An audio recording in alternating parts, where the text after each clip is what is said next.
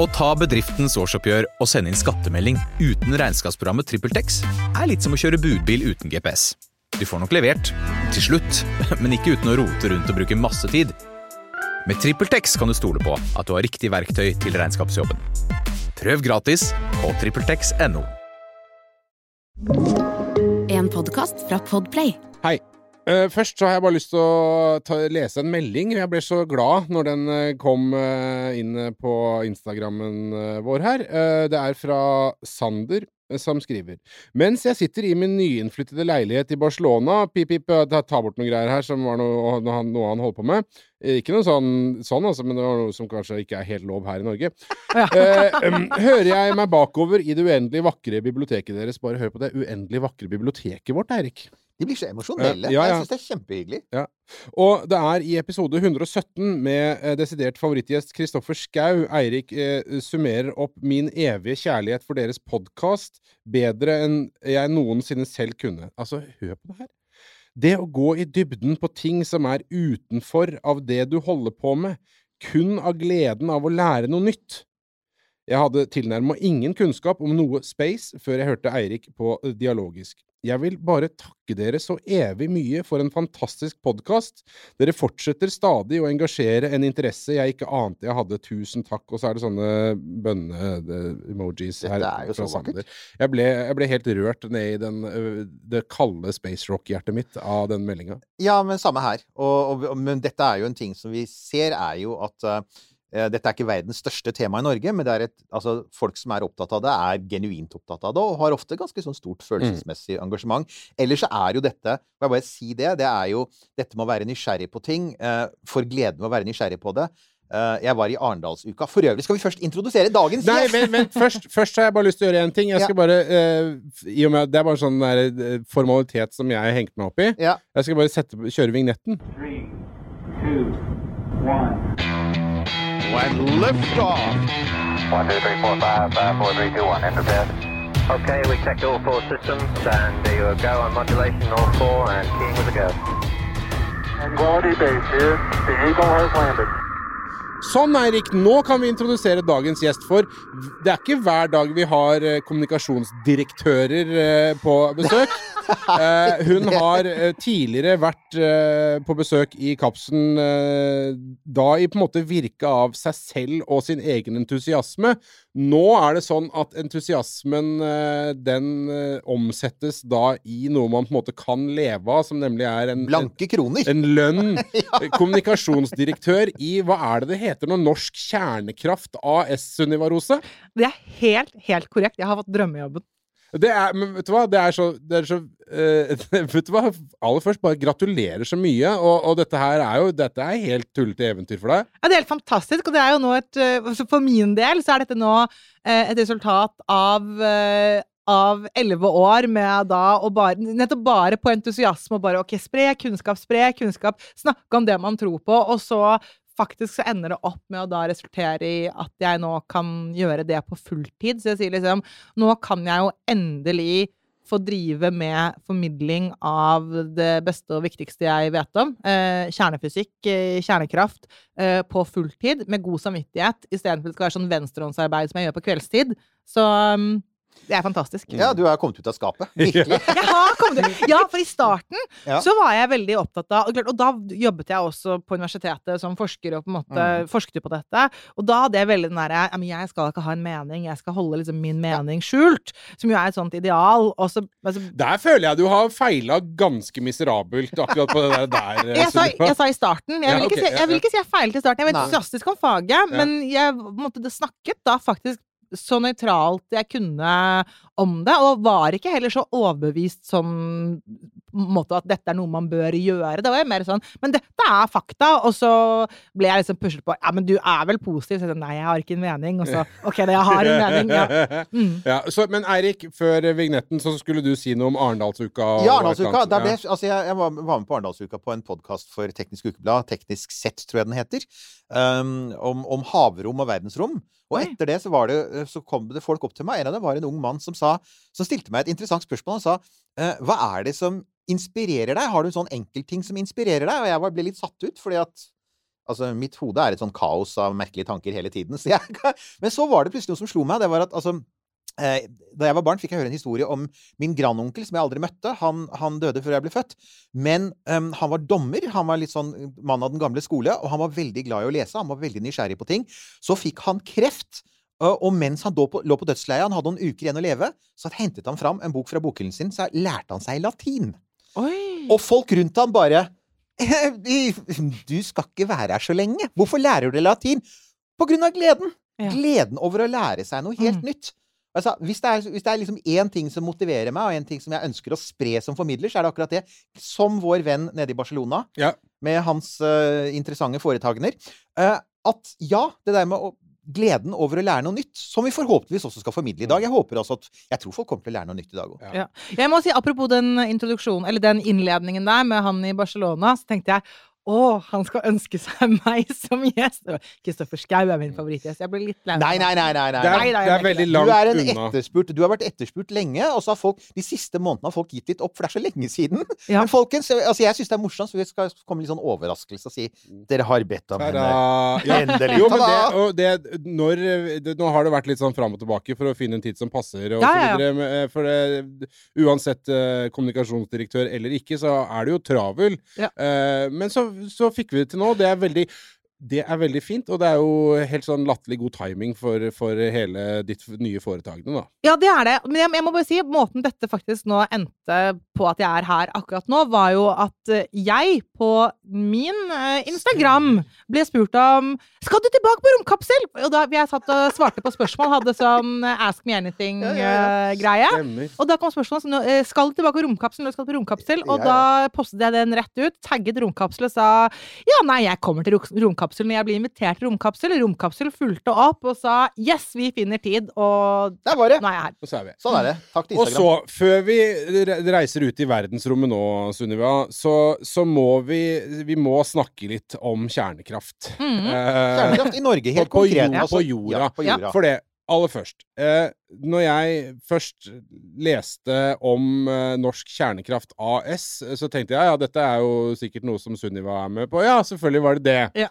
Ja, det, så, og helt åpenbart, og bare så naturlig som Og så tenkte jeg eh, dette er en litt sånn der eh, gjeng med entusiaster som et eller annet Mm. skal. Og så var det et eller annet der som Å ja, fader, de har pengesekken til Trond Moen. Mm. OK. Men da ble det hakket mer realisme i det. Altså, for at det, tanken om Om enn god eller ikke, Mm. så er den tanken om å ha um, kjernekraft i Norge så vanvittig fjern at Mm. det virker litt sånn uh, håpløst, uh, nesten. Uh, grei ut, Sunniva. Vær så god. Grei ut.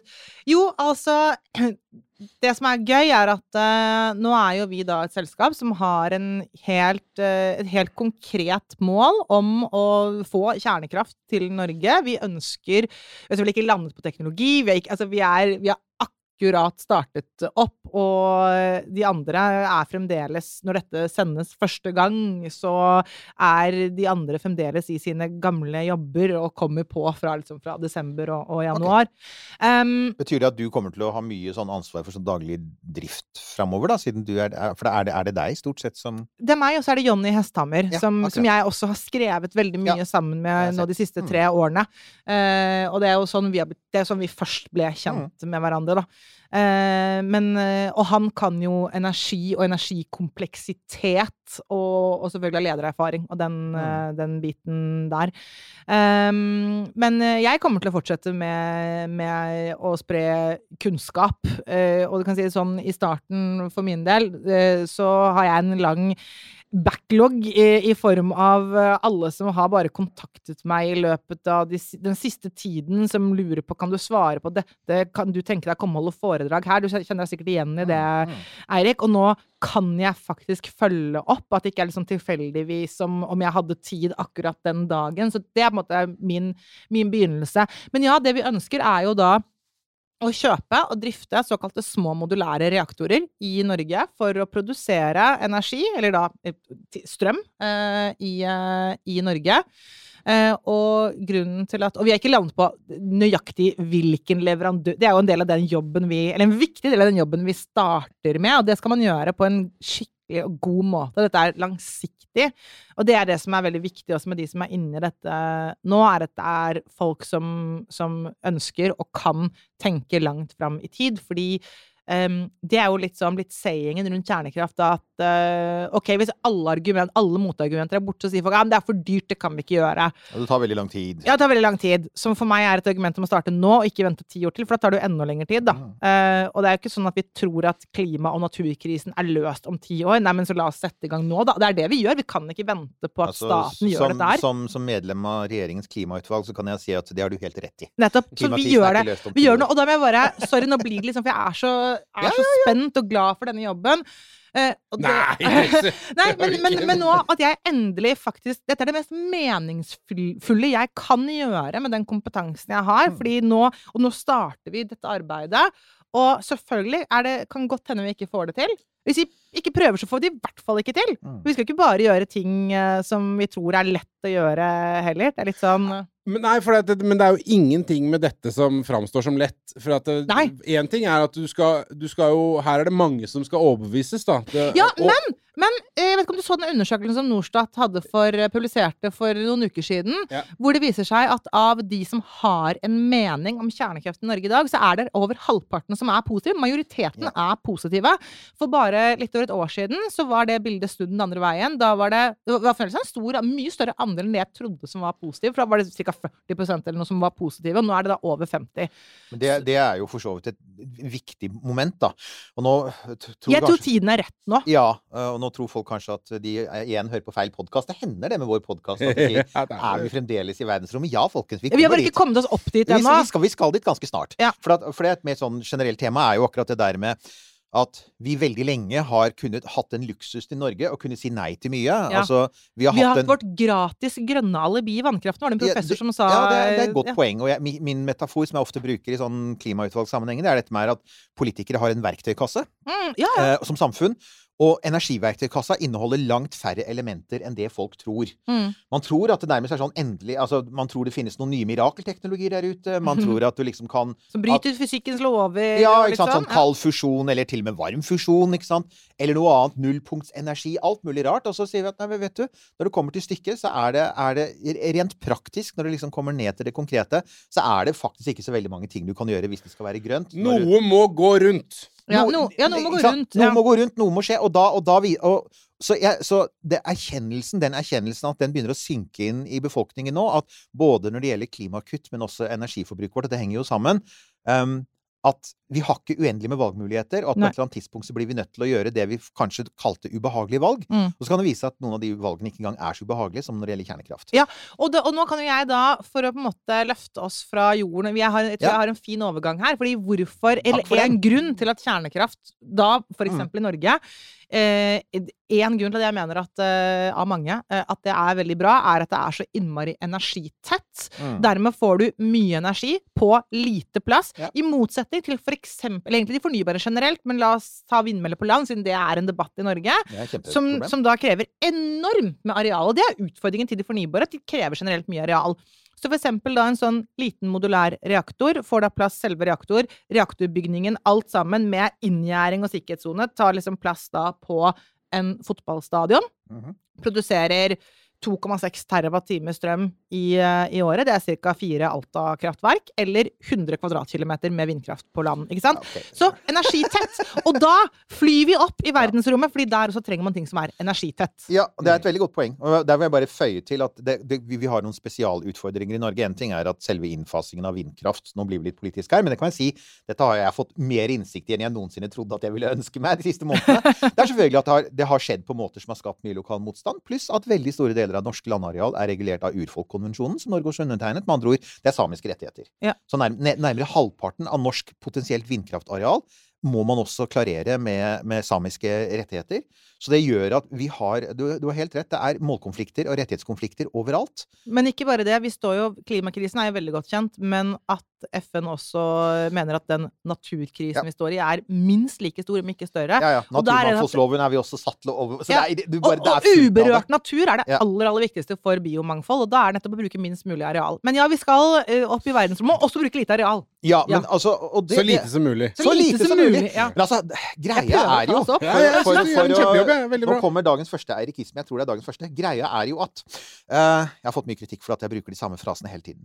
Uh, det- og han har fått kritikk for at han synger, og, men vi fortsetter å gjøre det. Jeg tror folk egentlig liker det, fordi man kjenner seg igjen i det. Ja, så ja, det er noe trygt ved det også. Ja. Har du brukt ordet ørevenn? Folk elsker det ordet. Ikke i dag. Ja, hei, ørevenn. Eh, Du hører fremdeles på Romkapsel, selv om det nå har vært eh, noen brennende innlegg når det kommer til eh, innfasing av kjernekraft i Norge. For det som har skjedd eh, det, har- det, har, helt tydelig skjedd en stemningsendring. Du har allerede pekt på det. Ja. Den er også internasjonal. Jeg leste senest i dag at den tyske regjeringen nå har, har bekreftet at de i hvert fall skal holde to av tre kjernekraftverk åpne en stund til.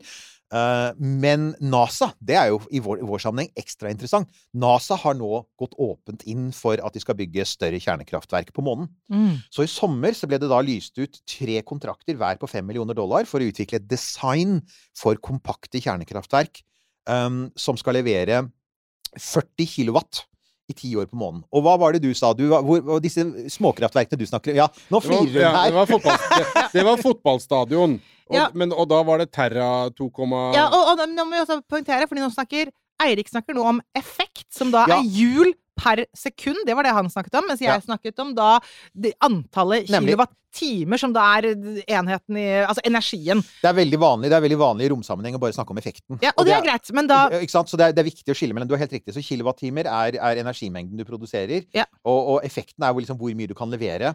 Og, Men hvis vi skal sammenligne, og du sa hva det du sa det var, det var eh, 40, 40 kilowatt. Ja, så hvis du tar 40 kilowatt Hvis jeg kan sammenligne da med da det Vi skal se hvor mye er det per år, så må du gange det da med antall timer på et, eh, et år, da, som da blir eh, eh, 24 ganger 365. Eh, hvor mye blir det? Er det noen som sitter med en kalkulator og kan gjøre den? Nils Johan? Eh, Skal vi se Ja, et lite øyeblikk her. Um, skal vi se 24 ganger uh, Skal vi se, hvor er kalkulatoren? Den er der. Skal vi se, Da har vi 24 ganger 365. Ja, der er vi. 8760. Ganger 40?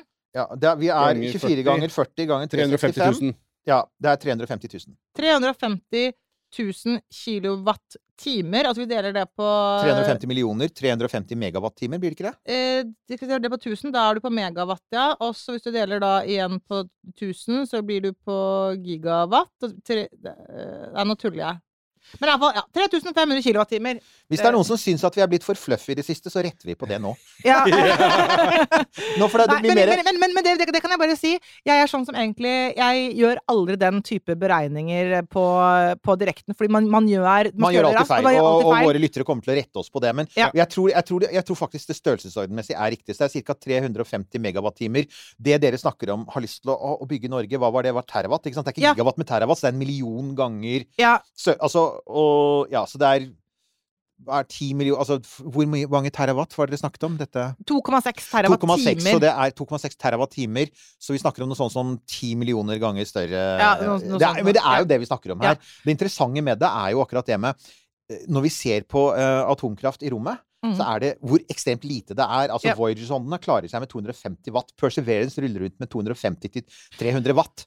Men, Så- men, men det jeg tenker her, er at eh, for Når vi snakker om størrelsesmessig, og så sa jeg at hele dette kraftverket er de små modulære reaktorene. og Da sa jeg det alt det selve reaktoren, eh, bygning, eh, gjøre om til strøm og alt mulig, og liksom Og da inngjerdingen av hele kraftverket, det er en fotballstadion. Så det er jo ikke sånn at reaktoren er en fotballstadion, den er veldig, veldig mye Nei, mindre. for det jeg sitter, mitt spørsmål som jeg sitter med her nå, er hvor liten kan en atomreaktor være? Ja, og det, det jeg kommer til eh, nå, fordi jeg har jo ikke sett på den nyheten til NASA på en måte hva det er de ser for seg, men vi har jo allerede i dag så har vi jo eh, ubåter er jo reaktordrevne, og da er det jo ganske smått i seg. eh, Hva er det. Hyman Rickover han heter? Han er admiralen som faset inn disse her vanvittige, For de er vanvittig pålitelige, er det ikke det? Disse ubåtkraftverkene.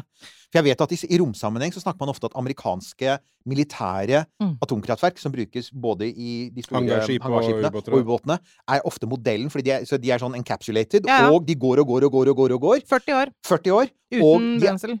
Eller uten nytt eh, Altså uten å Nemlig. refuel. Ja. For det er, en, det er et veldig viktig kriterium for rommet. For det er en sånn ting vi må snakke om. Altså, Mm. en av forskjellene, Hvis vi skal snakke om noen forskjeller da, på verdensrommet og på bakken, Mm. så er det, er det noen sånn åpenbare Når NASA ber om å få bygd Altså når de har satt ut spekkene til disse eh, kraftverkene, som for øvrig altså en, en base på denne, denne effekten på 40 kW skal brukes til en base på fire til seks astronauter. Mm. Uh, og jeg har skjønt at det Altså, så hvis man tenker på det, det tilsvarer noe sånt noe som sånn kanskje sånn snitteffekten på sånn 14-15 norske eneboliger, hvis man regner på det. Jeg prøvde å regne på det. Med andre ord, det høres ut som de bruker mye, men husk på at dette er en base på månen. Ja, ja. Så det er veldig lite. Mm. Og det det egentlig sier, er at dette inkluderer ikke noe industriell virksomhet, inkluderer ikke mye avansert forskning, ikke noe særlig energikrevende, for i det øyeblikk du skal begynne å sånn grave etter is og smelte ting og flytte på ting og sånn, så er det klart da, Det er life support. da, da, nemlig er live support Ja. pluss litt. Altså, de kan Ja. se på Netflix, og de kan gjøre noen sånne enkle eksperimenter og dyrke litt planter. Men det er veldig lite. Så dette er utrolig sånn Ja. det, Ikke sant? Det er utrolig begrenset sammenlignet med det, det dere jobber med, selvfølgelig. ja, ja, som skal liksom levere mye. Alt. De skal levere Dere skal supplere industri, byer eh, ikke sant? Definitivt Ja, industri. full eh, pakke. Ja, ja.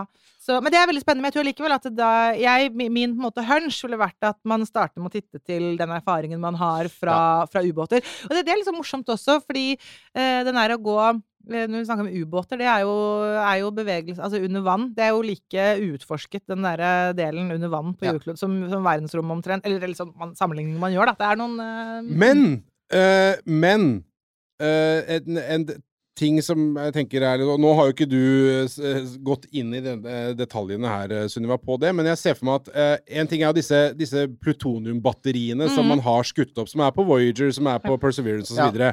Det, er- det er noe helt annet. Det Det er, er en sånn relativt passiv greie. Men så skal man ha da et, eh, et kraftverk som skal space, eh, bli space certified. Ja. Ja. Da er man jo Møter man, vil jeg anta, på en hel rekke store utfordringer. Da er det noe regulatorisk som skal på Det, det er det. Det første, er der. det første viktigste kravet er at det må overleve en eksplosjon når det skytes opp. Nettopp. Og det er fordi at amerikanerne har vært her før, og det har russerne òg. Men da må jeg si, og, og, og bare, Ja. du, og du skal få snakke Du skal få lov til å snakke masse om det, Eirik! Takk for det, kommunikasjonsdirektør for Norsk Kjernekraft Nei, AS. men jeg må si, fordi Et spørsmål jeg har fått veldig mange Ja. ganger, er nettopp kan man ikke bare ta og skyte opp avfallet ut i verdensrommet? Eh, så egentlig, Jeg måtte bare nevne det. At det, det er jo en sånn ting. Og da er jo, men svaret på det er at eh, nei, det vil vi faktisk ikke gjøre. fordi hvis du skal på en måte gjøre det Hvis det er på en måte en sånn jevnlig ting man gjør, så vil allikevel På et eller annet tidspunkt smeller det. på et eller annet tidspunkt så altså, Sannsynligheten for at noe skal skje, f.eks. eksplosjon, vil aldri bli null. ikke sant?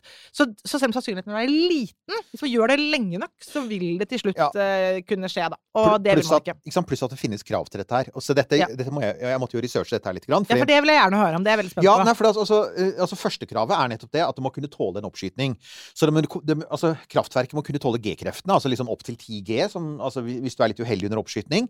Det må kunne tåle en eksplosjon, og det må kunne tåle gjeninntreden i tilfelle eh, altså romskipet faller tilbake inn i atmosfæren, Mm. eller hvis det har vært ute i mange år og kommer tilbake i atmosfæren. Mm. Og det betyr at det må være grundig kapslet inn. Så jeg, jeg har også hørt den der med å sende brennstoff, eh, gammelt, Avfall, eh, mm. gammelt avfall ut i rommet. Eh, men det, er det det faktisk faller på altså, Man kunne nok lage en innkapsling som sikret det i tilfelle eksplosjon, Mm. men den ville, den ville veie så mye, den ville være så omfattende Ja. for dette, at det antagelig ikke lønner seg uansett. Man, Men- gjør jo ikke, man drar jo ikke opp på månen eller til Mars for at det skal lønne seg. Det er jo noe helt annet. Ja, ja. en annen- Og, og jeg kan si at på, på månen og Mars finnes det veldig god plass til å lagre ting. Ja, det, Det, det er og det. ingen, det er ingen naboer i nærheten. Det er ikke noe NIMBY der. Det er ikke noen i det er nærheten. noe NIMBY, nei. Jeg, jeg, vil ikke, jeg vil ikke ha dette. Så kommer det en sånn, sånn Nimbi, små, hei. små Nimbi. Not in my backyard. alle, alle, alle som jobber i miljø- og energifeltet, kjenner okay. til dette. Vi bruker det også i, i klimautvalget. fordi at ingen, alle, altså alle vil ha billig strøm, men ingen vil ha strømproduksjonen. Alle vil uh, ha god avfalls, avfallshåndtering, men ingen vil ha avfallsanleggene nær seg. Det er, men det er- ikke helt sant. Det er også en sannhet med modifikasjoner, faktisk. Det er det. Det er en sannhet med modifikasjoner. Ja. Men som en sånn grunnregel kan man si Ja at i det øyeblikk du skal bygge et eller annet stort anlegg, Ja, ja. Ja, ja. Så, så, så, så vil du få masse reaksjoner. Og det er ikke, reaksjonen er ikke nødvendigvis på selve tilbudet, for det vil folk ha. Ja. Men det er, det er det at det ligger nær det. Det er nesten aldri på tilbudet. Det er nesten nei, nei, my backyard. Men, men greia var i hvert fall at, at i USA så hadde man Altså, sovjeterne har også hatt en rekke ulykker med kjernekraft i rommet, men der har vært mye mer mer Jeg trodde jeg skulle si gassledninger, men Ja, det også. Men altså, det, er, altså, det, det sier seg selv. Men det interessante for oss amerikanerne, for at det er NASA-spekkene som gjelder nå, pluss at Russland er på vei ut som romstormakt uansett. Um, og amerikanerne hadde jo tidlig på 60-tallet, før solceller var veldig aktuelt som eh, drivkraft, så hadde de jo en sånn plan om å drive ganske mye med små kjernekraftverk. Både disse eh, varmekraftverk, plutonium, RTG, radio thermal isotope, altså radio isotope thermal, man Ja, men man da ser på nettet, eller Det man bruker da, er jo at når noe er radioaktivt Så blir det varmt. Så blir det litt grann, Det produserer litt grann varme. Ja. Eh, og den lille varmen kan man da Så dette er på den enkleste formen for å benytte seg av, eh, av kjernekraften på. Så det er ikke det når man snakker om kjernekraft i form av kjernekraftverk, så er det jo en, en helt annen type Det det. produksjon. Men, eh, men her benytter man seg nettopp av radioaktiviteten i seg selv, og ikke det at en atomkjerne fisjonerer eller deler seg i to. Ikke sant? Mm. Og, og, og fordelen med, med RTG-ene er de, leverer, de er utrolig ineffektive. De leverer lite effekt. Altså typ 250 watt. Men sykt stabile, og, og de varer evig! i Nemlig. Altså Voyager-sondene har fremdeles strøm. Ja. Mm. Og nå har jo plutonium har jo ganske, Det plutoniumet de bruker, er en ganske kort halveringstid, så de er nå nede på under 50% av det de hadde Ja. for 40 år siden. Men Er det plutonium 241? jeg husker ikke. Men det, er, det er en av disse kortlivete. Ja. Og, og, Relativt kortlivet. Mm. relativt kortlivete. Og, og det gjør jo men, men, men det betyr jo altså at Voyager har fremdeles Det er et batteri som fremdeles går. Mm. Så det er det NASA liker ved det. Men øh, øh, de har jo faktisk også bygd genuine kjernekraftverk, altså som har brukt uran, og som har brukt øhm, altså kjølevæske. De har jo faktisk hatt det òg. Blant annet et som het Snap 10, som ble sendt opp i 1965. Men hva er det du sier? Sier du at de, at de, at de har hatt altså, reaktorer? En gang. En gang Snap 10. Så de har gjort dette De har gjort dette, de har gjort dette en gang. Eh, den uh, fungerte fint. Den var også veldig sånn uh, Hadde veldig lav effekt. Altså 500 watt eller noe sånt, så den var jo ikke veldig stor. Men det fins bilder av den på, på Wikipedia, og den brukte Jeg husker ikke hva som husker ikke hva slags sånn kjølevæske de brukte igjen, men det de ønsket å gjøre, var jo faktisk å bygge som du sier, store, effektive, ekte kjernereaktorer i rommet. Problemet var at vi også hadde flere uhell. Eh, Blant annet da med noen sånne eh, plutoniumsaker som falt ned, brant opp og spredde plutonium ut i atmosfæren. Eh, ja, nemlig. Og det førte til mye strengere krav. Og så kom jo også, ehm, så kom også solceller inn som en mye mer aktuell energikilde. Så plutselig så ble liksom Hvis du hadde 500 watt, da, og hadde valget mellom et kjernekraftverk og noen kvadratmeter med solceller, så gikk du for noen kvadratmeter med solceller, for da var det mye mindre hassle. Jeg må likevel da bare komme med en innskyldelse. Nå har jeg ikke sett, for jeg kjenner Nei. jo ikke til akkurat de ulykkene som du Nei. snakker om her. Det er jo interessant. Men eh, hvis vi da sammenligner med alle disse atombombeprøvesprengningene som er foretatt i atmosfæren, som virkelig er for det som vel står for den største andelen av Ja, ja, ja. radioaktive isotoper som vi på en måte har generelt da, altså av, av kunstig tilførte radioaktive isotoper som vi har i vår næringskjede, da. Eh, Det er helt det, det er interessant hvordan på en måte med en gang det er militært, så kan man liksom gjøre hva man vil. Eh, Ja. eh, mens, eh, mens da når det er da ja, om man skal produsere energi, eller man skal forske, så er det noe helt annet regelverk å forholde seg til. Det er litt rart, det der. det der. Det er eh, Nei, det er men, men ja, nå skal jo sies det ble en altså- del protester. eh, Sist var det vel franskmennene som drev med prøvesprengninger nede der, var det Det ikke har det? faktisk også vært protester mot rakettoppskytninger. Har det? Ja, ja, det har det. Da, da Galileo, som fløy til Saturn, skulle opp, den brukte selvfølgelig RTG. For det er jo altfor tenkte jeg langt. Galileo, for uh, mannen for, så, Ja, unnskyld. Galileo? Nei, um, Cassini, unnskyld. Cassini til, okay. Cassini til Saturn. Da husker jeg at det var protester, annet fra miljøbevegelsen, fordi den skulle skytes opp. Ja. Mm. Eh, og man var usikker på om den kapselen som RTG-en var, var kapslet inn i, om den ville overleve Å, ferden opp. Det vi nå veit, er at det gjør den antagelig. Fordi vi har et ganske morsomt eksempel på det. Det er Apollo 13. Mm. Eh, Da den kom tilbake til jorda, så ble den jo skjøvet tilbake til jorda av månelandingsfartøyet. De landet jo aldri på månen. Det var jo det som var nødlivbåten deres. Ja. På landingsbeinet til månelandingsfartøyet så var det Ah. festet en RTG. Den skulle brukt som, brukes som, en, Mm. som strømkilde for eksperimenter på overflaten. Igjen, Apollo var duseringen store solcellepaneler under Apollo-ferden. Det var litt sånn tidlig, så de, de brukte en RTG. Dessuten, månen har 14 dager natt. Det kommer vi straks til. Ja. Så hvis du skal gjøre noe om natten i månen, så må du ha radioaktivitet. Eh, kjernekraft. Så den, den, den, fulgte også med. Den Ja, hadde jo skjøvet Apollo. ja. Så den brant jo også opp i atmosfæren. Så det som skjedde, var jo faktisk altså at, at um, denne beholderen med plutonium, som satt på beinet til månelandingsfartøyet, falt ned i Tonga-gropet. Det er kjempedype det, eh, havdypet på Stillehavet. Så på mellom 6 og 10 kilometers havdyp så ligger det da en, en antagelig ganske forbrent eh, grafittbeholder med plutonium, som ifølge NASA ikke gikk i stykker. De fant ikke noe spor etter plutonium i atmosfæren, har ikke funnet noe i havet heller som tyder på at den lekker.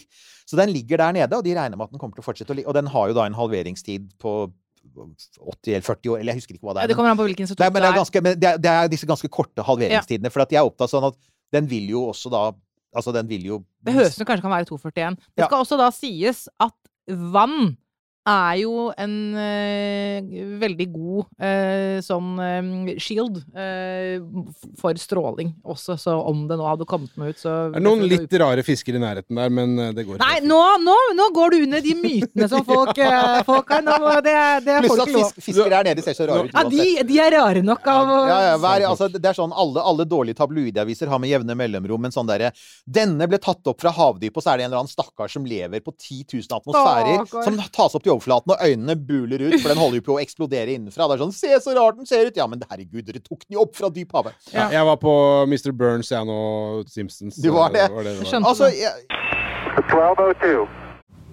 Noe av det som er så fint med podkast, det er jo at du kan høre på samtidig som du gjør noe annet. da Rydder i kjelleren eller boden, f.eks. Og alt du trenger av flytteesker og oppbevaring, det finner du på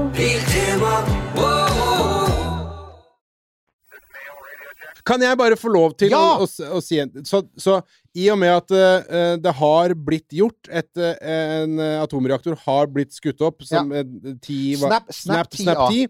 Det har blitt gjort.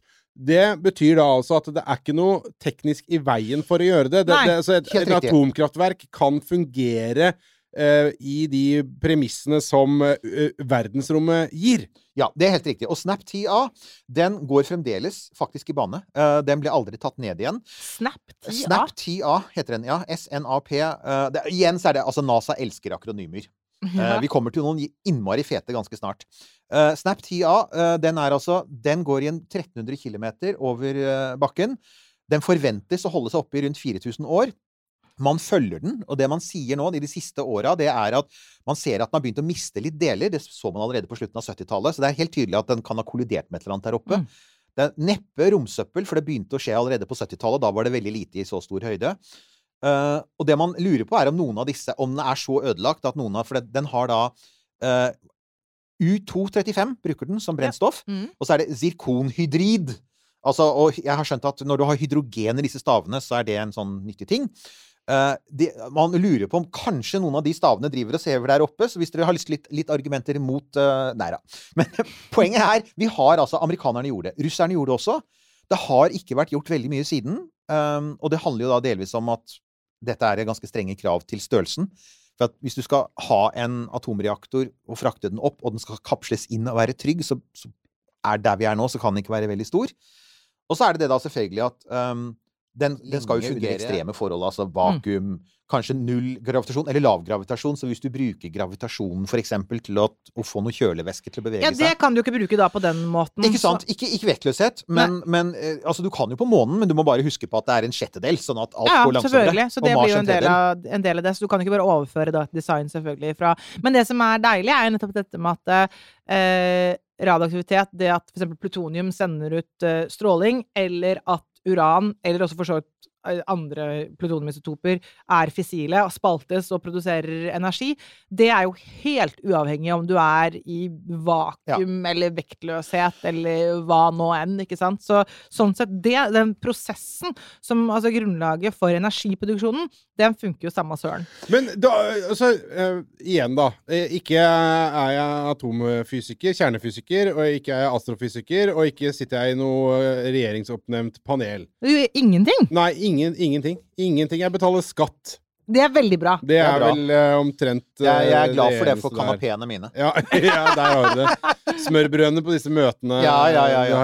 Eh, men hvorfor har det da Så når dette her er helt gjennomførbart, og er en sikker, eller relativt, da, eller det skal ikke jeg uttale meg om, egentlig, merker jeg, eh, det er en god måte å levere energi. Uh, uansett uh, fysiske forhold utenfor, på en måte. Hvorfor har man ikke uh, brukt kjernekraft i større grad i rommet tidligere? Og, og, jeg, jeg har jo hørt en av, jeg hørte jo på et foredrag av en av de få forskerne i NASA som de senere årene har jobbet på det. For NASA har jo hatt Det er jo ikke sånn at de ikke har prøvd. Tvert imot. Mm. Altså Etter Snap 10 så kom det flere andre sånne Snap-varianter. De hadde Rhythm is a dancer. social dancer. De hadde en som het, um, eh, På 80-tallet hadde Oh de en yeah, it's a passion. På en- Der var sang. Der var det sang! Uh, på på 80-tallet så hadde de en som het SP100. og Det var en 100 kW-reaktor, så da begynner du å snakke litt mer. Ja. Eh, du hadde også faktisk ganske altså Etter 2000 så hadde du eh, NASA-akronymene deres. Den het SAFE, som er et akronym for Safe Affordable Fission Engine. Så du hva du gjorde der? Det er et akronym i akronymet. Og det var eh, altså, og Her kommer vi til en sånn liten interessant ting med, med kjernekraft som kan bli veldig viktig på Mars, og det er at det finnes to energienheter. Du har den rene strømmen, som er 100 kW, men så har du denne kunne også levere 400 kW. E, altså det, den kan også levere varme, ikke sant? for du Mm. har jo mye varmeutvikling. Mm. Og spillvarmen til kjernekraftverk kan bli innmari nyttig på veldig kalde steder, Ja. som månen og Mars. Ja. Der de på jorda kan være et problem, f.eks. hvis en fransk elv går litt tom for vann. Ja. Så er det på, på, ikke sant? Men i verdensrommet, Mm. som stort sett er iskaldt, så kan den spillvarmen brukt på riktig måte faktisk gi mye høyere Den kan faktisk gi høyere ytelse Mm. enn det du kanskje av og til ville regne med fra et jordisk kjernekraftverk. Mm. Interessant. Men det var Spillvarme, tilbake spillvarme. Jeg, er hvorfor- Jeg må komme med en fun fact Ja. om, om spillvarme. Fordi eh, det er jo det som skjer Fun når du fact om spillvarme. Folkens, dere skjønner nå at dere er på rødkapsel. Ja, Nei, ja, men deilig. den, denne tror jeg du denne, Den er bra! Den, Jeg- vil vi Jeg elsker det. Nei, altså i, eh, når man eh, Altså når ting er radioaktive, enten med sendt stråling eller det, det fisjonerer, så blir det varmt. Det, det er det som skjer. Men når du da har fisjon, så blir det veldig mye mer enn når da denne plutonium bare sender ut litt stråling. Men altså når du da uh, har fisjon, energi, den hovedsakelig kommer da i form av varme. Så det er jo nettopp det at man varmer opp f.eks. vann og lager damp. Og dette, dette har vi gjort i ganske noen hundre år, så vi kjenner på en måte den prosessen der. Men ja, det blir spillvarme, fordi det å overføre det igjen da, til strøm, for det er jo da den dampen som, som da driver en generator som produserer el, det er jo ikke akkurat noe sånn 100% overføring der, så spillvarme blir det absolutt. Og eh, på Olkiluoto-kraftverket i, eh, i Finland, det store kraftverket der, så bruker de faktisk noe av spillvarmen til Så den går da i rør, og så, eh, så dyrker de vindruer. Ja. Mm. Ja. Så de bruker den varme til å drikke vindruer. Så man har sin egen produksjon av Ja. eh, vindruer. Jeg tror de har vin også. Ikke sant? Og i områder hvor du faktisk har mye vannbåren varme, som jeg har et nå blandet forhold til etter at jeg hadde eksplosjon i radiator.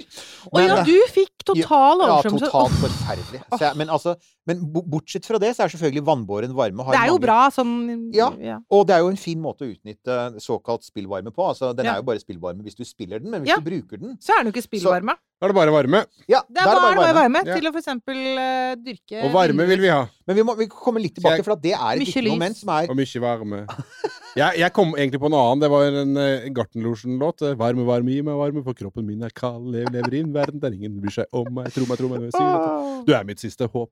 Ja, er Beklager. Borgersrud, det kommer til å skje. Ja, Men ja, på uh, i Space så er det kaldt, og den spillvarmen er da svært nyttig. Og, Og det ser vi eh, også i uh, The Martian. Så på mange Ja. måter Nemlig. Det er akkurat det. The Martian demonstrerer veldig veldig godt det. Og i boka så beskriver han det regnestykket. Ja. Fordi han sier at han, altså Andy Weir han, han jobbet jo med NASA-ingeniører, dette har vi snakket om før. Og en av de tingene han brukte mye tid på, det var hvis du tar en sånn For dette var en nedgravd RTG, altså en sånn Ja. eh, generator, en sånn plutoniumgenerator. Eh, Jeg skjønte aldri helt hvorfor de gravde den ned, men det er nå så. Han graver den opp, og så, og så Det han faktisk gjør i boka, er at han putter den i et kar og, og bruker vann som, ja, som ja. og, og sirkulere. Han bruker, han bruker altså, fordi at det blir mer effektivt enn bare å la den stå i friluft, som man gjør. Men uansett så sier han at du har jo denne herre Ja, du har de 250 wattene som kommer fra selve generatoren i form av strøm, Mm. men så har du noe sånt noe som 1500 watt i ren varme. Det er veldig mye spillvarme fra disse greiene. Åh, nå kom jeg på en annen fact. Som jeg, den har jeg ikke da fått sjekket opp, for det er det som skjer når man kommer på ting som på direkten. Så kill me if I'm eh, Men jeg mener at det fins et bilde av den eh, nylig avdøde og begravde britiske dronningen, Ja. eh, Elisabeth. Hun har jo vært med på, på mye rart. Blant annet hvor hun holder i, vet du, det er bildet at hun, at hun holder en klump med da ganske anriket uran i hånden og får kjenne på varmen. Og får kjenne da, på varmen. Ja, ja. gjorde det i gamle dager. Ja, så Ja, jeg så den, du! Ja da. Ja, så Men det, det var vel sånn altså, Pierre Curie pleide vel å gå rundt med en liten Altså mannen til Marie, som vant to nobelpriser. Eh, han pleide Det var Marie som vant to var- ja, unnskyld, Marie som vant tydelig. Ja. Selvfølgelig. Mm. Eh, han gjorde det ikke. Eh, han døde ganske tidlig. Det er noen som mener at det blant annet skyldes at han hadde, han hadde for vane med å gå med sånne radiumklumper i lommene Han ble sine. påkjørt. Det var en ulykke, så jeg tror Ja. ikke det hadde noe med uran Nei, men ja, det har vært spekulasjoner om han, for at han det, det har vært litt spekulasjoner om, om, om hvor liksom kompos mentis, hvor til stede han var på slutten. Fordi Ah. han utsatte seg for veldig høye stråledoser. Og jeg har jo sett notatboka til Marie Sklodowska-Curie, og den er jo bak blyglass. Fordi at Ja, for du har eh, vært på dette lille museet Ja, det museet er Paris. helt Der har jeg også vært. Å, det er Ja. gøy. Mm. Og det er gøy. Jeg har også vært på eh, Marie Curie-museet i, i Warszawa. Oi, der har jeg ikke vært. Det må, du, det, må, Ja. det må du se en gang. Det er kjempefint, for der har de også sånn der, eh, litt blyglass. Alt Men- sånne ting blir, blir arbeidsturer. Men ingenting av dette er egentlig en digresjon, for alt dette ja. går bringer oss tilbake til For det var faktisk en tråd her for en stund siden. Okay. og det var, det var denne med hvorfor de stoppet. Det er et vesentlig moment. Ja. For ja. det Ja, altså Veldig kort og konsist svar fra en av forskerne som var involvert i et av mange NASA-prosjekter på kjernekraft, som da det kom til stykket hadde, altså De hadde levert resultater, og så stopper det. Det blir ikke penger. Han sa Mm. at det er politisk. Ja, Det har vært sånn siden 70-tallet. Det har vært sånn at både NASA og det amerikanske energidepartementet, Department of Energy, som også har vært ledende på kjernekraftforskning én gang, har måttet stoppe det ene prosjektet etter det andre. Og som han sa, de har holdt kjernekraftteknologien tilbake helt Ja, bevisst. men, men da, må jeg også komme med et hjertesukk da, her Ja. på, på jordkloden, for det er også svaret på omtrent alle spørsmål jeg får. Ja, men Ja. hvorfor stenger Tyskland ned? Det er politisk. Ja, men hvorfor har vi ikke disse Super Phoenix fastbreeder-reaktorene? Hvis, hvis du sier at Altså jeg, da, Ja. sier at de virket i Frankrike. De ble stengt ned pga. politisk. Ja. Det er politisk, det er politisk, det er politisk. Og derfor også så sitter man igjen, som du sier, de har jo stoppet da veldig mye forskning og utvikling. Og allikevel så sitter vi med noe som er helt sinnssykt bra, men tenk hvor vi kan komme da, hvis det ikke blir stoppet hele tiden. og vi får lov til å, Tenk hvis vi kan få Ja. det samme forskning- og utviklingspresset Mm. på denne teknologien som man har på de fornybare, f.eks. Helt sant. Og, og noe av det interessante med å se på spacebasert romfart, er nettopp at fordi du har noen spesialkrav, Mm. så blir det veldig tydelig hvordan disse politiske begrensningene slår inn. Mm. Fordi at du kan jo faktisk da Altså, du kan bygge gode kjernekraftverk altså på jorda med det vi allerede vet. På, når det gjelder rombasert kjernekraft, så burde du egentlig ha brukt de siste tiårene på å utvikle noen nye løsninger Mm. som er spesifikke for rommet. Men vi har ikke gjort det. Man har i veldig liten grad gjort det. Det vil si vi kommer straks til en løsning som nå fungerer, men, eh, og som NASA er litt opptatt av. Men, men før det så må jeg bare si For det, det er et spørsmål som alltid dukker opp. OK, for eksempel på månen. Mm. Artemis skal tilbake til månen. Vi venter fremdeles på oppskytingen når dette tas opp. Det, når det skjer, veit ingen. Um, og en av de tingene, altså Dette er jo til Artemis, det glemte jeg vel å si, men når NASA ber om penger til kjernekraft, eller skal gi penger til kjernekraftdesign nå, til tre forskjellige aktører, deriblant Westinghouse, som jeg vet har vært svære på kjernekraft. Ja, Eh, og Lockheed Martin er et annet. Og Aerojet er et tredje, og det er Jack Parsons gamle selskap. Nei! Vår, vår de demonmann. Yes. Men, eh, men uansett, uh, så er det um, Jo! Uh, nå, nå mistet jeg helt tråden her. Eh, ja, det mm, Nei, hva var det du Jo, skulle tilbake til solkraft. Poenget er Ja. eh, Månen har jo, ikke sant? Månen har jo mye Altså, månen har haugevis av solkraft. Og, og faktum er at solcellepaneler fungerer jo bedre på månen når de er i sol, enn de gjør på jorda. Selv om altså månen og jorda er omtrent samme avstand fra sola. Fordi du ikke har skyer. Du har ikke noen Ja. atmosfære. Så du har, litt, du har, høyere, du har høyere effektivitet. Så, Sol, så hvorfor- solen skinner alltid, altså. Ja, Bortsett men fra bare ikke- Bortsett fra, og her kommer vi til det, og det var egentlig det som var poenget med Apollo 13 også. Hvorfor hadde de med seg, hadde de med seg uh, generatorer? Jo, det er altså fordi at månen har en 14 dager De har 14 dager med dag, det er helt sant, så du kan lage masse, masse solenergi. Og så er det 14 dager med natt. Ja. Og kineserne har en rover på månens bakside. Eh, og, og den merker jo da veldig Altså, de- de- den Når det er natt der, da, så blir det veldig kaldt. Det var annet noen planter om bord i den som døde under månenatten, fordi de klarte jo ikke å holde den gående. Ja. Da, da setter de den i dvale, og så stopper all aktivitet, og så liksom fyrer de den opp igjen under månenatten. Men det fungerer jo ikke for uh, her på jordkloden. Vi, vi sover jo Vi har jo samme rytme som, som uh, natt og dag. vi sover jo om natten og er Ja. våkne om Men 14 dager på 14 dager av funker ikke så Altså, bra for oss. Eksempler folk bruker, er jo selvfølgelig den internasjonale romstasjonen. Mm. Den har eh, Og ja, dette, dette var litt fascinerende, da, for det sier litt også om skalaen. Eh, ISS har åtte svære solvinger som leverer opp til 200, eh, 240 kW peak. De vrir seg hele tiden for at de alltid skal liksom være optimalt, så du, du bruker litt energi på det. Um, og det vil si at hvert, hver vinge sånn, leverer sånn ca. 30 kW sånn på, på toppen. Mm. Uh, så er det jo sånn at halve, halvparten av Og da, og da nå er jeg på effekten og ikke da på antall timer. Ikke sant? påpeker Men det er også fordi at man er litt opptatt av det. Fordi at, altså, for at der har du jo ikke dag og natt som på jorda. Du, er, du har 45 minutter med lys og 45 minutter med Ja. mørke fordi du går i bane. Ja. Så de midler det over, og så sier de sånn rundt 120 kW, og så har de batterier som liksom da tar av for det. Ja. Så, og det er, det, er, det er en god Det løsning. er jo lurt, det. Det er en god løsning. Eh, for øvrig, altså, for å sette det litt i perspektiv, da. Jeg, jeg ser at en gjennomsnittlig ny vindturbin har, uh, har en effekt på opptil 4,2 megawatt. Så det er liksom sånn, det er 15 ganger mer enn hva ISS leverer. Så igjen, space er lite i forhold til hva vi ser på jorda. Da må jeg komme med en liten kommentar Ja. der, siden du dro inn vindturbiner. Jeg ikke Jeg har ikke selv noen personlig mening om vindkraft. Det ikke, men, men det som også er viktig når man skal sammenligne Hvis man plutselig sitter og tenker ja, la meg se på disse forskjellige energikildene her på jorden igjen, da. eh, hvor jeg er jo litt på jorden. Um, så er det ikke bare hvor mye, hvor mye den leverer sånn når, når vinden blåser, men man må også da se på hvor, eh, sant, hvor stor andel av tiden er det de forskjellige energiformene leverer. Eh, og, og, der er det jo sånn at eh, vindkraft på f.eks. i Norge vil være på ca. en tredjedel av det kjernekraft er. Så du kan ikke engang bare sammenligne du kan ikke si på en måte, ok, men dette kraftverket det er så mange megawatt, og det er så mange megawatt. Du må faktisk se på over et år og midle det. Og, og, da må du på en måte ha tre ganger så mye på samme effekt av vindkraft som kjernekraft, fordi ja. Ja, helt sant. Så det var en og, liten kommentar. En nei, altså, jeg, jeg, skal ikke si at dette her var sånn i parentes bemerket lissepasning til Sunniva, men det var lissepasning til Sunniva. men det er godt å få sagt det, for det, men det, er et, for det går direkte på space, det òg. Det er som du sier. Ja. Det er ikke sånn. Ja, for det er ikke sånn at det, man kan ikke bare se på hva er det det er når, når det er ideelle forhold. Nei. Og det, det er jo utfordringen. Og, og, verdensrommet er ekstremt. Så ja. verdensrommet er ekstremt blant annet i den forstand at månen har 14 dager med natt. Ja. Så, hvordan, så ja, du kan ha solkraft, uh, massevis av solenergi på dagtid. Og hvis du har rovere, så kan de bare skru seg av om natten. Og det, det de jo bra. Ja. Det går helt fint. Og så, uh, men, men, det kan du ikke med en base med fire til seks mennesker, som da går fra liksom sånn ja, sånn type for eksempel 40 kW, og så går de ned i null om natten. da. Du må ha et batteri.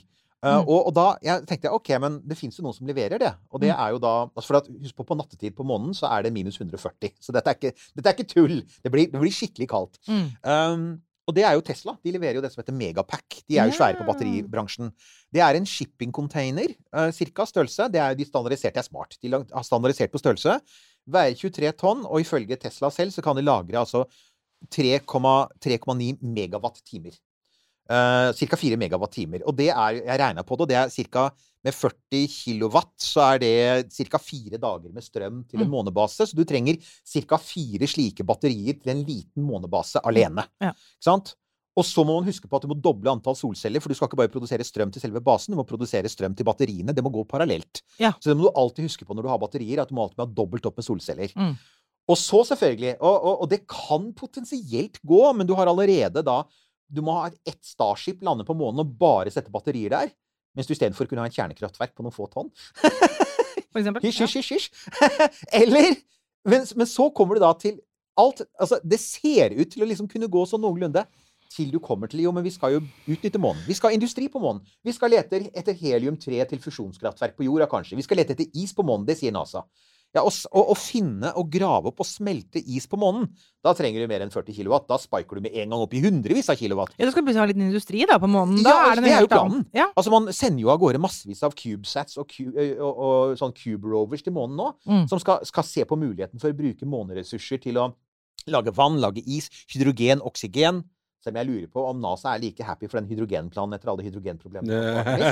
Hydrogen er et svinsk brentstoff å håndtere. Liksom, hydrogen vil alltid rømme. Det vil alltid liksom finne den minste lille sprekken å lekke ut av. Ja, det er, er, jo det minste Det, det er, jo det, det minste atomet altså. vi har, da! Men det er, det er naturen.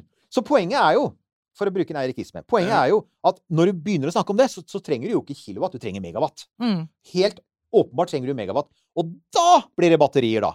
Da snakker vi ikke om fire batterier, da snakker vi om 400-4000 batterier. 4000 konteinere på månen. Altså, det er, det er der det, er det kommer. Det er, store. Det er jo plass til det, men det, det er plass til det. Men, det opp. men altså, igjen så må huske på at i rommet så er jo masse er kostbart. Mm. Og jeg vet, ja, Elon Musk sier at han skal få masse billig opp, og det er en av grunnene til at Elon Musk så lenge har unngått å snakke om kjernekraft, fordi han har hele tiden han, Hvis du ser på hans planer for Mars, mm så inkluderer de veldig stor avhengighet av solkraft, og det kommer vi straks til. Det er absurd på Mars. Ja, ja for det var, det var, jo det var akkurat det jeg satt på nå. For at når du Månen er nå én ting, det er greit nok, uh, ish. Men så skal vi til Mars, og der er det jo helt håpløst å skulle bero på, på solenergi. Så der, der er, finnes det jo ikke noe alternativ. Men nå skal jeg først gjøre en ting. Nå skal jeg løpe opp på langsiden, og så ser jeg Sunniva på den andre siden, og det er åpent mål, så nå skal jeg bare sånn bikke over en lav og flat ball i langsomt tempo til henne. Det er ikke ofte vi har sånne fotballgreier her, altså. Ja, ja, ja, ja, Nei, jeg må jo av og til vise at altså Det hender jeg av, det hender jeg av og til som Fantomet eh, går ut i byen som en helt vanlig mann. Men Det var en gammel referanse, det. Den er ca. 3% av lytterne våre som tar. Trenchcoaten. Ja. Trenchcoat, ja, nemlig. jo, eh, og det er for at batterilagring er jo også et tema i diskusjonen på jorda. Ja. Og det fins jo Blant annet så eksisterer det en sånn Tesla-plan mm. for hvordan du skal fikse alt med solceller og vind og batteri. Og det har jo vært folk som har regna på det, og som har sagt unnskyld, men hvis du skal skalere opp batterier Nå snakker vi om space, som er supersnåle på energi, og alt er maksimalt optimalisert og effektivisert. Hvordan er det, altså, Hvor mye batterier kan vi egentlig bygge her nede, tenker jeg? Nei, altså nå Jeg tror nok du kanskje sitter på et konkret tall der som jeg ikke, ikke har. Men, men det er interessant dette med, med batterier, fordi eh, det krever jo også ganske mye energi å bygge de batteriene. Er mye litium. Mye litium, så det er også sånn man kommer til Det er jo ingenting på en måte som faktisk er Noen kanskje blir sinte på meg, men det er jo ingenting som er 100 fornybart. Fordi selv om Mm. du kan si ja, solen den er jo der hele tiden, og vinden er der hele tiden, men du trenger alle disse forskjellige materialene, enten det er til å bygge eh, batterier Så det er jo begrensende faktorer på, på alt mulig. Det er mye litium, og så selvfølgelig skal man jo få man kommer sikkert til å få nye teknologier, men, eh, men man er nå der man er i dag. Det, ja, det er, man skal ha mye, mye litium, ja. Ja, det er det. Altså, og det er det, er, det, er det, det som på en måte slår meg når jeg regner meg Er det ikke allerede sånn litium-shortage? er ikke Jo. det sånne ting som de driver og graver opp i disse gruvene i sånne konfliktområder? Ja, det er sånn, også kjipt, det eh, må jeg også si. Og det er jo dessverre ikke bare litium, når det kommer til kobolt, Kobolt og og, sånn, ja, forskjellige ja. av disse, disse stoffene som man er helt avhengig av. Kongo. Ja, det, det er jo veldig mye av det er jo dessverre veldig uh, Det det. kjipe områder og um, ja. Altså, altså, det liksom, alle, liksom, alle handlinger har konsekvenser, og det Ja. er det som det er vel kanskje, Og når det kommer til stykket, så, så kommer det ofte ned til sånne enkle um, har en uh, venninne, Inga Strumke, som du Ja. sikkert Ja, Inga er, eh, jobber med kunstig intelligens oppe i Trondheim nå. Hun var egentlig påtenkt som gjest her, men det har falt litt ut, for nå er hun så inne i, i kunstig intelligens og, og sånn. Vi har så mye naturlig intelligens her at Ja, det går så bra. Ikke det. men, men, men Inga, hvis du skulle høre oss, du er selvfølgelig hjertelig velkommen til å Ja. snakke om noe hvis du finner noe som passer for oss. Eh, Men jeg husker vi hadde en diskusjon en gang vi snakket om at vi trengte en fysikkbasert politikk. Ja. Og det var blant annet for at det er noe med sånn grunnleggende naturlover. Det er noe med liksom sånn hvor Vi mye du kan, ikke bryte, vi kan ikke bryte fysikkens, naturens Nei. lover.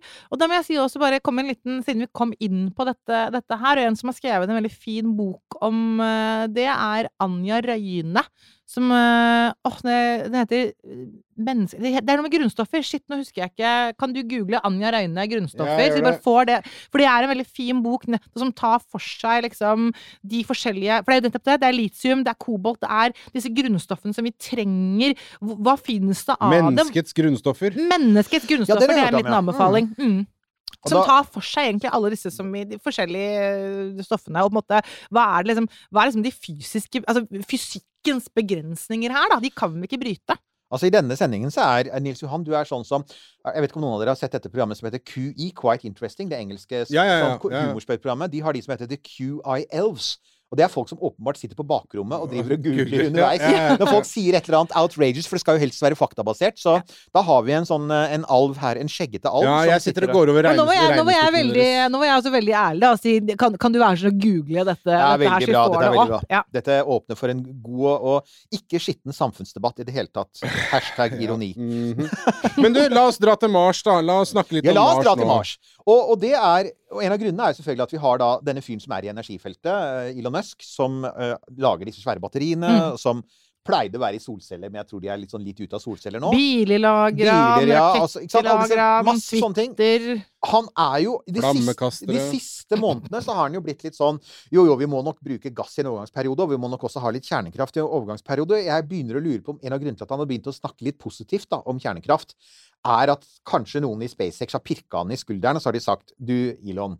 Eh, For hans plan, NASA sin plan for Mars har lignet ganske mye på altså NASA, NASA har jo ikke egentlig en plan for Mars, men når de har sånne konsepter for Mars, Mm. så tenker de seg det samme som månen. Ja. Og siden forholdene på månen og Mars er relativt like, så tenker de seg en base med en, igjen et behov for på, på, på 40 kilowatt effekt. Altså, eh, og da tenker man seg eh, Har man tenkt seg liksom x antall kvadratmeter solceller?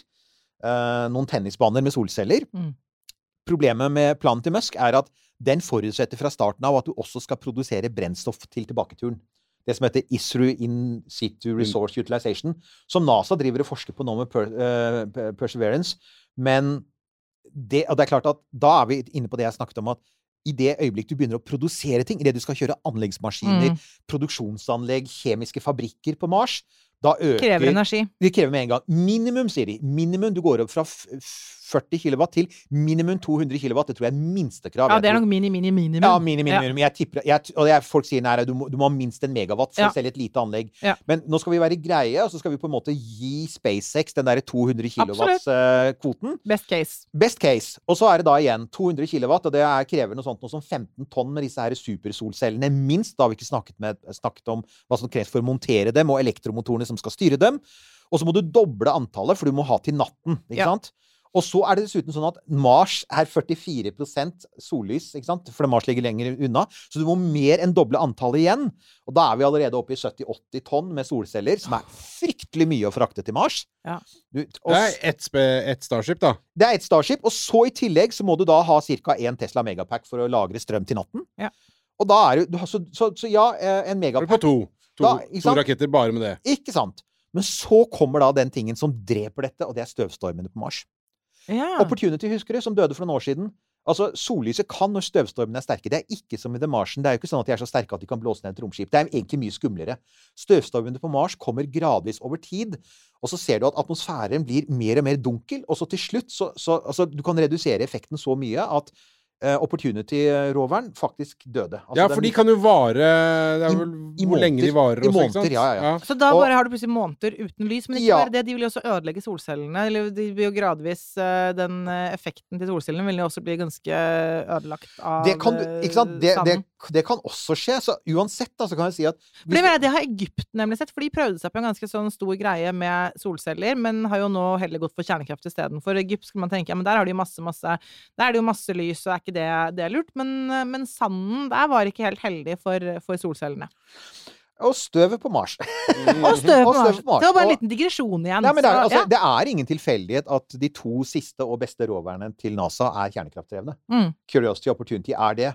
Og at planene deres framover også ser ut til å være kjernekraftdrevne. Kanskje bortsett fra sånne korte opphold, da. Altså, man, ser på noe, man ser på solceller som noe du bruker i en kort periode.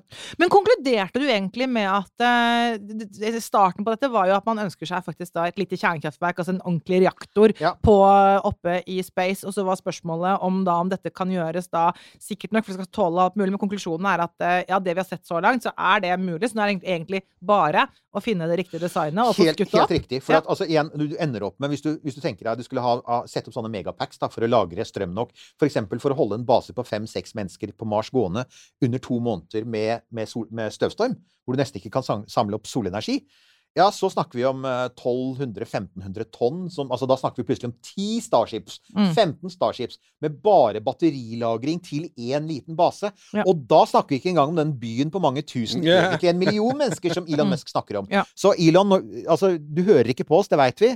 But if you're listening, you know you have to go nuclear. There's Yes. no other way. It's impossible. Altså, det det koker ned til, fysikkbasert politikk, det er fysisk umulig. Altså, Lenge leve teknokratiet! det er lenge Jo, men vi kan, vi kan ikke bryte fysikkens Nei, nei, lover! nei, nei, det, er ikke, det er ikke sånn ikke som lover man kan velge å forholde seg til eller ikke. Nei, ikke Fysikkens lover kan du ikke bryte. Så det er veldig, eh, så det er veldig så, så, Nei, solceller til så jeg, jeg sier det er sånn veldig godt prinsipp for bruk av solceller i space er i lav jordbane eh, og ute ved Mars til ikke særlig energikrevende prosjekter for Ja. kortere tid. Og helt ute ved Jupiter så kan du faktisk ha veldig store solceller for kortere prosjekter. Mm. Men alt som krever menneskelig aktivitet, da, Ja. da øker energikravene med en gang med en faktor 100. Ja. Og da er, da er solceller ute. Og det er veldig dumt å ha noe som da er liksom eh, Ja. Som, som kan, All den tid Men vi må da snakke om et vellykket prosjekt. For da skal vi ikke, vi skal ikke bli så deppa her. fordi at NASA har faktisk gjennomført et vellykket forskningsprosjekt, og det, det er litt morsomt. Eh, det er det som heter Kilo Power. Eh, det er et fullført prosjekt, ble fullført i 2018. Det er egentlig klart til bruk, og på en del av um, Artemis-arten, altså tegningene som av hvordan en base på Mars skal se ut, så hender det du du kan se Kilopower, for Kilopower har en veldig spesiell design. Det ser ut som en paraply. Oi. Det er en lang stav, og så er det nederst er en knoll. Der sitter selve reaktoren. Og så har du da rør oppover som transporterer varmen, og de bruker flytende salt. Okay. Og så på toppen så sitter det en, en, en liten såkalt Stirling-motor, som er en sånn varme... Altså en, hva heter varmeeffektmotor. Ja. Der du har et varmt kammer og et kaldt kammer, og så varmer du opp utenfra, sånn at du slipper ikke ut noe gass. Det er helt lukket. Mm. Den har ganske høy effekt, Stirling-motoren, men den er ganske langsom. Du kan ikke bruke den i biler, f.eks. Den er 200 år gammel. Det var en skotsk prest som het Stirling som oppfant den. Det er en sånn interessant konsept. Poenget er at Denne kilopower har de da forsket på nå i mange, mange år. Og de har laget, gjennomført vellykkede eh, prosjekter. Og når de gjennomfører prosjekter på kilopower, så er et av Når de testet reaktoren, så het, eh, het eh, prosjektet het Krusty. Og når de da testet selve paraplyen, så het det Duff. Og da Simpsons-fan. I love it! Krusty og Duff. Det er, altså, som navnet antyder, igjen det er, i, I din sammenheng, Sunniva, vi snakker om kilowatt. Ja. Det, er, det er ingenting for menneskelige behov. Nei. Men for, for space er dette interessant. fordi at kilopower er skalerbart fra 1 til 10 kilowatt, hvilket vil si at dette kan du bruke på en planetoverflate, men du kan også bruke det på et romskip. Mm. Du kan jo da for eksempel med en kilopower som da igjen har har um, 1 kilowatt. Det er, du, du har allerede firedoblet den energien du har tilgjengelig på en rover. Mm. Tenk deg hvis for eksempel Perseverance hadde hatt fire ganger mer strøm tilgjengelig enn den har nå, så kunne den kanskje gjøre mye mer. ikke sant? 1202. Så jeg må si, det, det som også er, Hvis du først har fått dette her opp i verdensrommet, så er det Det som veier ting her, er jo alt på en måte tank og rør. Det er, det, Ja. som veier her. Brenselet, altså uran eller plutonium eller hva det skal drives av, det veier jo i ingenting. Her snakker vi antageligvis noen kilo. Så det vil jo lett kunne Det kan lagres. Du kan lagre brensel on site. Det kan du ha rett ved deg og lagre for lang tid. Det er også en fordel når man snakker om eh, på, på landjorda at, eh, at, og forsyningssikkerhet, som vi også er blitt eh, mer opptatt av nå etter at eh, Putin valgte å gjøre det Putin valgte ja. å gjøre i Europa. Vi ser at eh, oi, eh, forsyningssikkerhet er viktig, men det gjelder jo da også da i space, at du lett kan ha mer enn nok av brensel tilgjengelig. Det er, eh, Mm. det er ikke der eh, vektproblemet kommer, da. Helt sant. Altså, det ser at, at selve enheten Det finnes en 10 kW-enhet som er fullt ferdig med varmeradiatorer og alt, alt inkludert. Mm. Den fyller for øvrig et veldig viktig krav som vi glemte å nevne når det gjelder um, rombasert kjernekraft. Ekstrem pålitelighet. Ja, Ekstremt lite. Og hvis du skal reparere noe, så må det være så modulært og enkelt å reparere at en ikke fagutdannet kjernetekniker Ja. kan gjøre det. Sånn at hvis du f.eks. har en base på månen, så kan du ikke ha en egen person som bare er kjernetekniker. Nei. Du må ha en person som har tatt et kurs, som f.eks. er lege, men som også kan reparere. Ja. Uh, og det har de da I denne Kilopower så har de lagt eh, så, så var spekken var at den skulle gå helt uten, altså uten at noen mennesker kunne behøvde å gripe inn, i minst ti år. Bare surre og gå. Ja. Og det er fordi at de har et minimum av bevegelige deler. Mm. Alt er innkapslet. Det er ikke noe den, eh, det er det fine med denne Stirling-motoren. Så det er ikke noe sånn støv som kan komme inn utenfra. Det er ikke noen, det ikke noen kulelagre som kan få støv Nei. inni seg. ikke sant? Det er ikke noe, påvirkes ikke at det er vakuum. Og fordi det er massevis av varmeoverskudd, Mm. så betyr det også at du har ikke temperaturproblemet. De fyr- de, det de bruker er, altså På 10 kW-enheten så bruker de 44 kilo med uran, uran 235. Den veier ca. halvannet tonn. Ja. Så den, den står da Hele nede. greia veier ca. halvannet tonn, og så 44 kilo Og 44 kilo, så det sier noe om forhold der. Det er veldig Mm. lite brensel. Mm. Og så har du da en Så det er da en solid kjerne som er omgitt av en berylliumoksidreflektor Ja. som holder på nøytronene, som sørger for Yes. at? For at ja, uran 235 genererer Altså, du slipper ut nøytroner, og så reflekterer du dem tilbake for å Ja, altså det, det som skjer, er Ja. at uh, uran-235 det er jo en såkalt spaltbar, eller fissil, uh, atomkjerne. Så den har jo den evnen at den veldig lett kan spaltes i to. Da får du frigitt store mengder energi. Det som også kommer når en sånn uh, Som også når du får en sånn spalting, er at det også frigjøres noen frie nøytroner, sånn to-tre frie nøytroner. Og det er jo nøytronet, et sånn fritt nøytron, Mhm. som når det treffer en atomkjerne, vil få det til å spaltes. Mm. Så det er viktig at du får disse frie Jeg pleier noen ganger å kalle det for, sånn- for flammen i, som en slags over... Altså det er selvfølgelig ikke noen flamme her, men det er den som måtte få reaksjonen til å gå, da. Så nøytronet kan snike seg inn da en ny atomkjerne, og så spaltes den, og så får du noen nye nøytroner, og så, eh, og så går den, og, så, og sånn går det videre. Det er det som kalles en kjedereaksjon. Men også si at du får om to, tre, fire friende troende, men det vil alltid være en del tap, og de går også andre steder enn der man vil man skal ha dem. Så det å ha denne reflektoren rundt, da, som du nevner her, det er kjempeviktig, fordi eh, nøytronøkonomien det er liksom det viktigste når man driver og skal se på nytt brensel, og hvor mye må det anrikne osv. Jeg får riktig nøytronøkonomi, da. Eh, så det å ha da en, en sånn såkalt en god reflektor som får nøytronene da, når de egentlig vil snike seg ut Mm. av hele, og bare ut i verden og bli borte, så vil du ha den til å gå inn igjen. Da får du, da, og da trenger du veldig mye mindre, mindre brensel. Det er jo lurt. Og så må du da ha en, du må ha en måte å regulere det på. For det sier at når de skyter den opp fra jorda, så skal selvfølgelig reaktoren være kald. Mm. For at temperaturen i kjernen kan bli opptil 700 grader, og det er et poeng. Mm. Eh, for du skal jo drive Stirling-motoren på toppen og alt dette her. Mm. Men du vil ikke ha det om bord i et romskip, så da har de en, en, en stav av borkarbid. Ja, og det er jo en, en av de Det er var et kult stoff! Jeg hadde ikke hørt om det før. Nei, eh, og det er jo forskjellige typer stoffer, så det er jo en såkalt kontrollstav som Ja. de har inni der. Eh, det er det man også har, så prinsippet er det samme som om det er, om det er en reaktor på et hangarskip, eller om det er en reaktor som står og produserer Det er veldig hardt. Så.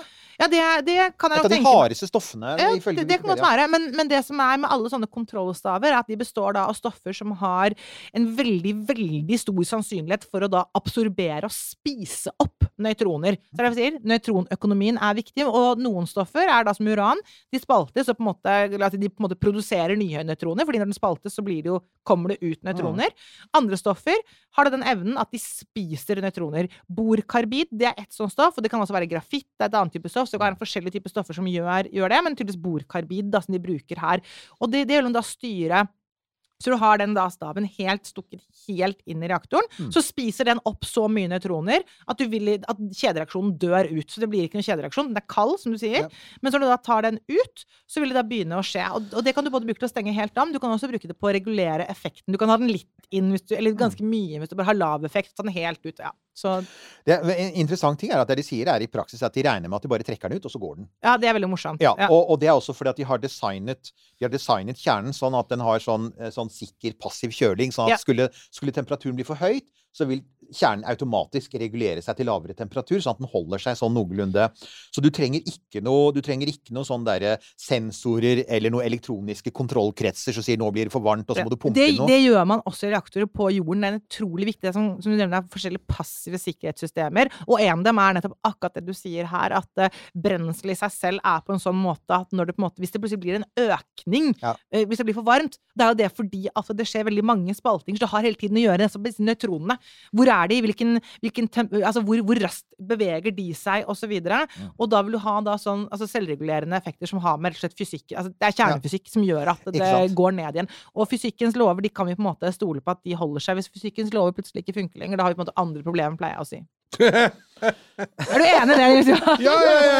Og Vet du hva, jeg, jeg sitter her og uh, sånn forelesning, jeg, jeg syns dette er veldig interessant. Mm. Altså, altså, det har jo vært etterlyst lenge, og, og dette er en utrolig viktig del av romfartens fremtid. La oss Mm. bare si det. Eh, gjenta det og si at, at dette NASA brukte ganske mye penger, og, og, og jeg vet ikke om de Altså, det er igjen, man har jo ikke bevilget penger til å bygge disse reaktorene ennå, men nå Nei. er de i hvert fall der. Ja. Nå har man testet dem, man vet at de fungerer. For så, så har du denne varme kjernen, øh, og så har du da flytende salt. Ja. Altså, for, Ok, så, så de så, eh, Sier du nå at de har uran som fast brensel? Bruker de flytende salt som Eller er uranet ja, så bruker de flytende salt til å frakte varme opp til Ja, Stirling-motoren. det er spennende. Eh, og, og så vidt jeg har skjønt konseptet, så er det da at altså, holdt på å si, varm væske stiger og kald væske synker. det høres riktig ut. Ja, og, og, og igjen fordi det er på Mars. Du har, du har god tid, og bare du får Stirling-motoren i gang, Ja. så får du den effekten du vil. Ja. Og så bruker du da dette varme saltet til å varme opp et kammer med, med, med kald gass, som så da skyver på et stempel Mm. som driver en generator, og så produserer elektrisk strøm. Men på toppen har du de der, den paraplyen. Mm. Det er radiatorene. Og det de da påpeker, er at hvis du har en måte å overføre eh, varmen til f.eks. et produksjonsanlegg for eh, vann på Mars For at en måte å få vann ut av jorda på Mars, regolitten på Mars, er å varme den opp til 300 grader. Mm. Og det de sier, er at hvis du da har faktisk rett og slett bygger et sånn eh, rørsystem for å, å, å tappe den varmen, så kan du få mye høyere effekt enn 10 kW ut av en, en kilopower, for da har du varmeeffekten som da kan brukes til å varme opp Mars regolitt, som gjør at vannet koker ut, og så fordamper du det, og så fører du det inn i et kjemisk anlegg hvor du spalter i hydrogen og oksygen, og så henter du ut CO2 fra atmosfæren, og så kan du lage metan, og så kan du lage oksygen, som er brennstoff og oksidant, og så kan du dessuten lage vann om du vil. Og dette er Elon Musks plan, og da kommer jeg tilbake til det igjen. Elon, du får ikke dette til uten kjernekraft! Nei, og det er Not gonna happen! For det, hele grunnlaget her er jo nettopp at uh, sånne kjerner som uran, de kan spaltes, og da blir det varmt. Og den varmen kan du da bruke da, til forskjellige ting. Ja. Om du skal varme opp salt, eller du skal bruke Og det går i årevis, ikke sant? For Ja, dette er jo lang halveringstid. Og, og det er jo en annen ting at den skal altså gå i minst Den er designet for å gå helt uten vedlikehold i minst ti år, men de Ja. regner med tiår, er det de sier. Så det de tenker seg, er jo sånn type Voyager-levetid. Og da har de relativt høy, og det overrasker meg ikke at de vil gå for da, relativt høy anrikning på dette uranet. Og anrikning, det er jo da andelen uran-235 i forhold til uran-238. På det uranet du Ja. finner i naturen, så er jo det godt under en prosent, men da øker det så jo ganske en stor andel, da. Jeg vet ikke prosentandelen, for jeg har ikke sjekket det her, men eh, jeg vil tenke meg flere Ja. titalls uran-235-anrikning på det her. Det, det som er det morsomme med det, er jo altså regnestykket blir så forskjellig. Mm. Så for eksempel, hvis du vil holde en, en, en base da, det- gående på månen, så trenger du fire kilopower-enheter, og den går dag og natt, selvfølgelig, for det fungerer måne, måne, natt, natt Og den holder seg i flere tiår. og holder seg i flere tiår. eh, og eh, altså, ja, det er, det er små enheter, men det fine med det er at det gir redundans, selvfølgelig. Mm. Altså, det betyr at Ja, ja, ja. Okay, hvis du mister en, så har du fremdeles ni igjen. Og det vil man gjerne ha. Det vil vil man man, I rommet vil man veldig gjerne ha det. Eh, De er såpass små at de kan fraktes i relativt små romskip. Det er en fordel. Mm. Så du trenger ikke alltid et sånt gigantisk Starship for å fly ting av gårde. Redundans Eh, vil jeg veldig gjerne ha hvis jeg er i verdensrommet. ikke både på vei vil opp det, altså. og ja. Så 20 enheter på Mars, for eksempel, som veier ca. 30 tonn, de leverer da to, den, de der 200 kilowattene til dette her anlegget. Eh, og du slipper de der 1500-2000 tonnene med batteri og solceller. Som, så så vi, har liksom, vi, har, vi har liksom 30 tonn versus 1500-2000 tonn, reelt sett. Ja.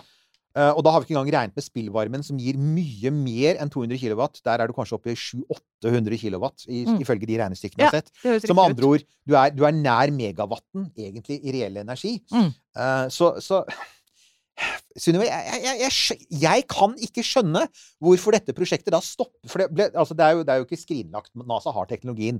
Men sist de fikk bevilgninger, var i 2018. Jeg- Det er politisk, da.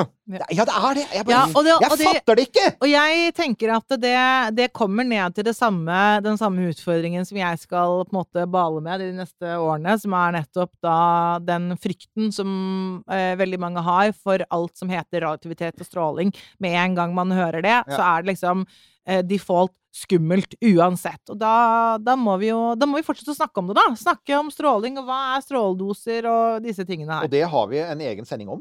Ja, vi, ja, ja. Så det, det får vi bare henvise til. Nå husker jeg ikke nummeret på den, men det er bare å gå inn på Spotify, så finner Ja, dere bare ja. søk på Sunniva. Ja. Så for det, er- for, det er, det, for det er også veldig interessant, og det er, et, det er en, en helt sånn sentral del av det. Mm. Men, eh, men igjen, da, så for å vende tilbake til eh, For å begynne å runde, opp etter, runde av etter hvert, for er jo dette med disse småkraftverkene.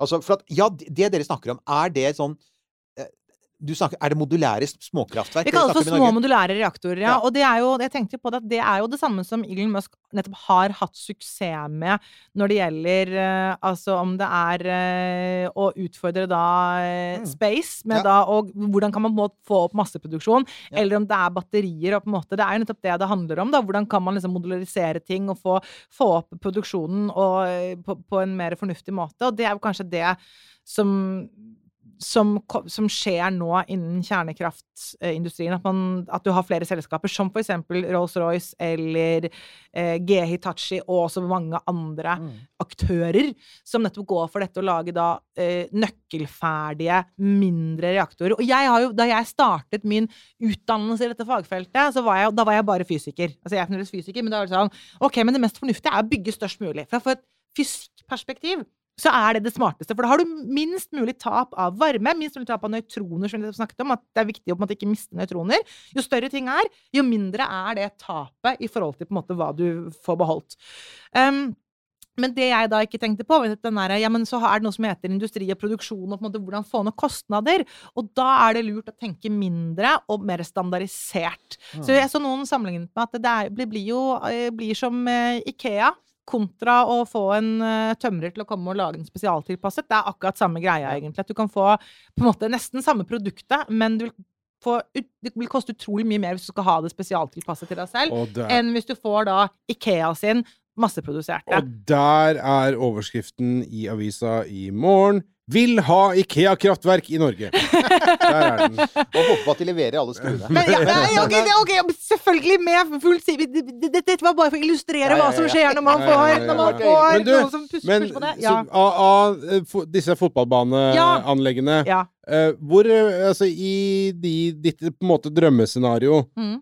Hvor mange sånne trenger vi eh, i Norge, da? På landjordet her. Nå er vi tilbake. Vi har landa, folkens. Vi er hjemme igjen. Ja, det, er- det er et veldig Hvor mange godt poeng. sånne Nei, altså, skal vi se uh, hvis, uh, hvis et sånt lite modulært kraftverk produserer eller leverer ca. 2,6 terawatt timer strøm per, eh, per år. Og så vet vi at altså Det mange sier i dag da, i debatten, er at uh, ja, men vi trenger ikke mer energi i Norge. Vi produserer akkurat det vi trenger. Og det er jo en sannhet med modifikasjoner også i dag. Ja. fordi selv i dag så Men la oss si, da, bare for, for å være litt greie, at ok, greit, i dag så produserer vi cirka det vi bruker, da, for å gjøre det, Mhm. være litt enkle på det. Så er det jo sånn at vi skal gjennom et grønt skifte. Vi skal egentlig elektrifisere alt. Og det mesteparten Og da er det veldig mye som i dag ikke bruke strøm, som skal bruke strøm. Og da er det sånn at eh, for eksempel DNV har gjort en ganske grundig analyse av dette her, og de sier at i 2050 så, Og dette er fra- fra deres eh, et, et konservativ anslag, det, de de, Mm. eller det er det de mener at de kommer med, så trenger vi 65% mer strøm i 2050. Det er ca. da 100 terawatt-timer årlig eh, mer strøm. Ja, ja, og jeg har Um, sett tallet i samme størrelsesorden. Okay. Jeg har også sett tallet 34 terawattimer mer, Ja. men det er kanskje på kortere sikt. det, ja, jeg vet ikke. Så nå, det Men det er i den størrelsen. Okay, så i løpet, det vi snakker om år- er typ, Du sa hvor, hvor var kraft, kraftverket? Unnskyld. Eh, Nei, så i 2050 da, så bruker Norge i et uh, år med DNVs konservative anslag sånn 250 terawatt-timer i året. Eh, det kan vel være at det, det hører vel sik- høres vel cirka riktig ut. Noe sånt eh, noe rundt ja, det høres 200, cirka ja. riktig ut, ja. Mm. Og, og da, jeg er helt sikker på at våre mange Teknisk Ukeblad-lesende lyttere kommer jo. kommer til å legge ting i kommentar. Så kjør debatt i Ja. kommentarfeltet. Men så da kan Men vi si, da, si men ti, da. 2050. Men, ja, men la oss si det, men da, da kan jo da lytterne få lov til å regne ut uh, selv. Men et sånn et, Igjen En- på Ikea-pakka, så må vi gjøre sjøl. Ja, ikke sant? Da må dere sette sammen. Her, her gir dere ingrediensene. Ingrediensene er da at et typisk sånn eh, lite modulært, uh, liten modulær reaktor leverer da 2,6 terawatt-timer el på et år. Og i 2050 så mener da eksempel DNV at vi vil trenge 100 Ja. terawatt-timer el eh, ekstra på et år. Så vi kommer til å trenge ja, ekstra. Ja, Det er i tillegg til det vi har i dag. Frøken, frøken, jeg bare rakk opp hånden her, jeg. Ja, ja. Eh, Har det en betydning også at eh, med, med altså avstanden, men det at du ved at det er modulært, at du kan plassere det nær Det er jo For nettopp eksempel, ikke sant? For at her i landet Det kan vi si. En av de tingene du får høre når du jobber med et klimautvalg, er at, at når vi snakker om norske energipriser, så kan vi si at Norge er også i den litt spesielle situasjonen at vi har bygd opp massevis av energikrevende industri Ja. basert på premisset om at vi har unikt lave uh, strømpriser i Ja. Europa. Altså, jeg har jo en sånn personlig erfaring med det, for min far er fra England. Ja. Og han har i alle år skrudd av lyset. ikke sant? Men det er England konkurransefortrinn som vi har hatt. Det er kjempeviktig. ja, kjempeviktig. det har vært et stort konkurransefortrinn. Og det man egentlig nå sier, er med det grønne skiftet, så vil, hvis ikke vi produserer fryktelig mye mer billig strøm, Mm. så vil mye av det konkurransefortrinnet forsvinne, og da må de industribedriftene legges kraftig om. Mm. Eh, Eller flytte. eller flytte, og kanskje det til og med er sånn, som én påpekte, kanskje det til og med er sånn at eh, ideen om at vi skal frakte ilmenitt til et, kraft, eh, til et produksjonsanlegg i en norsk fjord som er fra Jamaica, og så sender det tilbake igjen i en sånn klimanøytral fremtid, kanskje ikke er verdens smarteste bruk av ressurser. Kanskje det er Nei, lurere kanskje at ikke.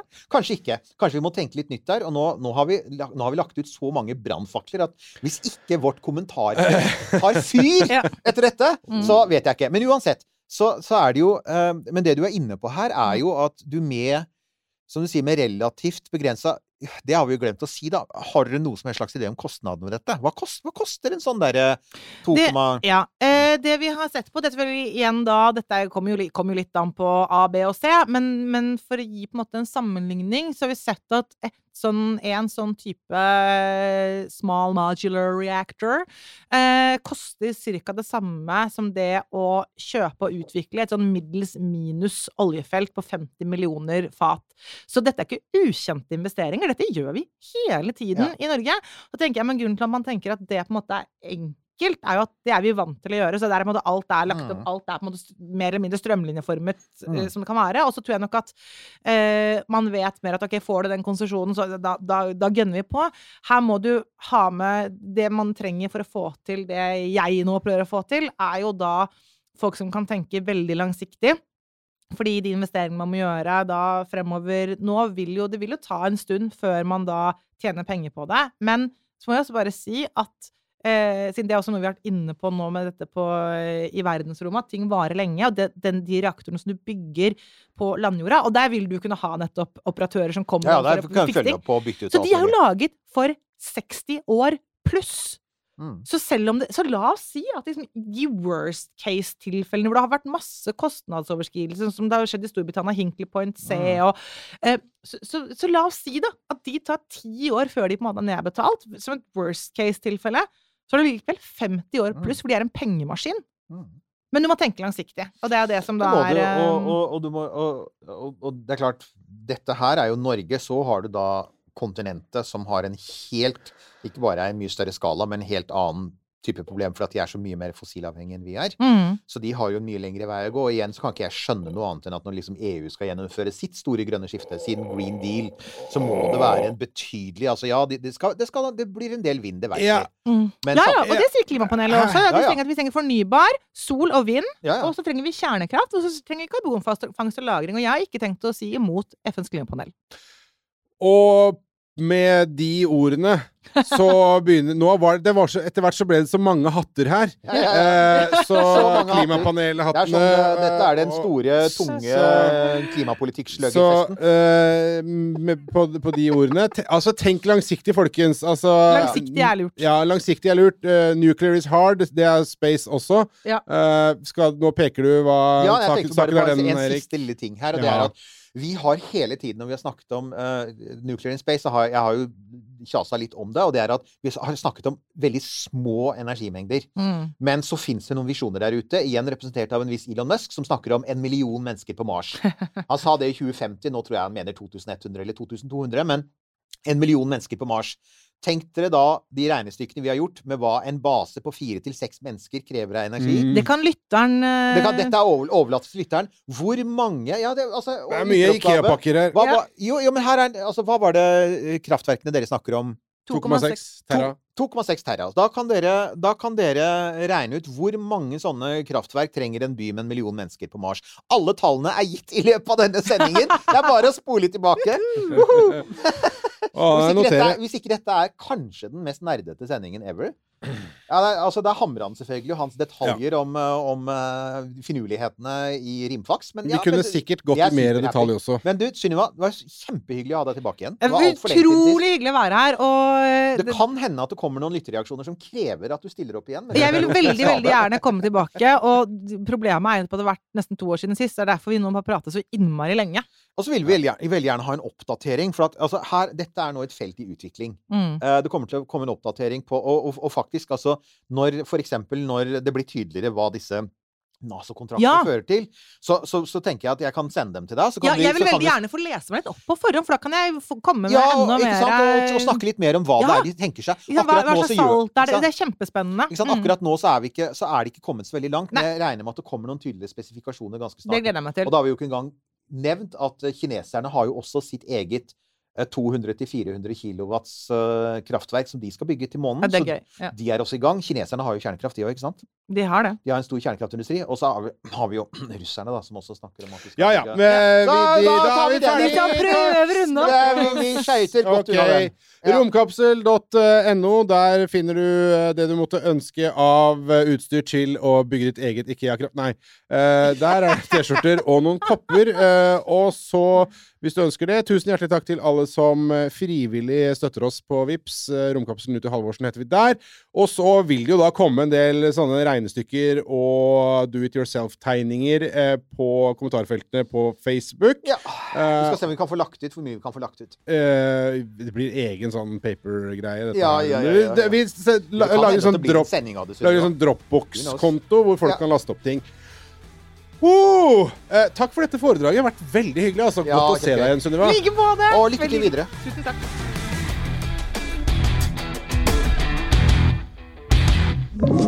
Du har hørt en podkast fra Podplay. En enklere måte å høre podkast på. Last ned appen Podplay, eller se podplay.no.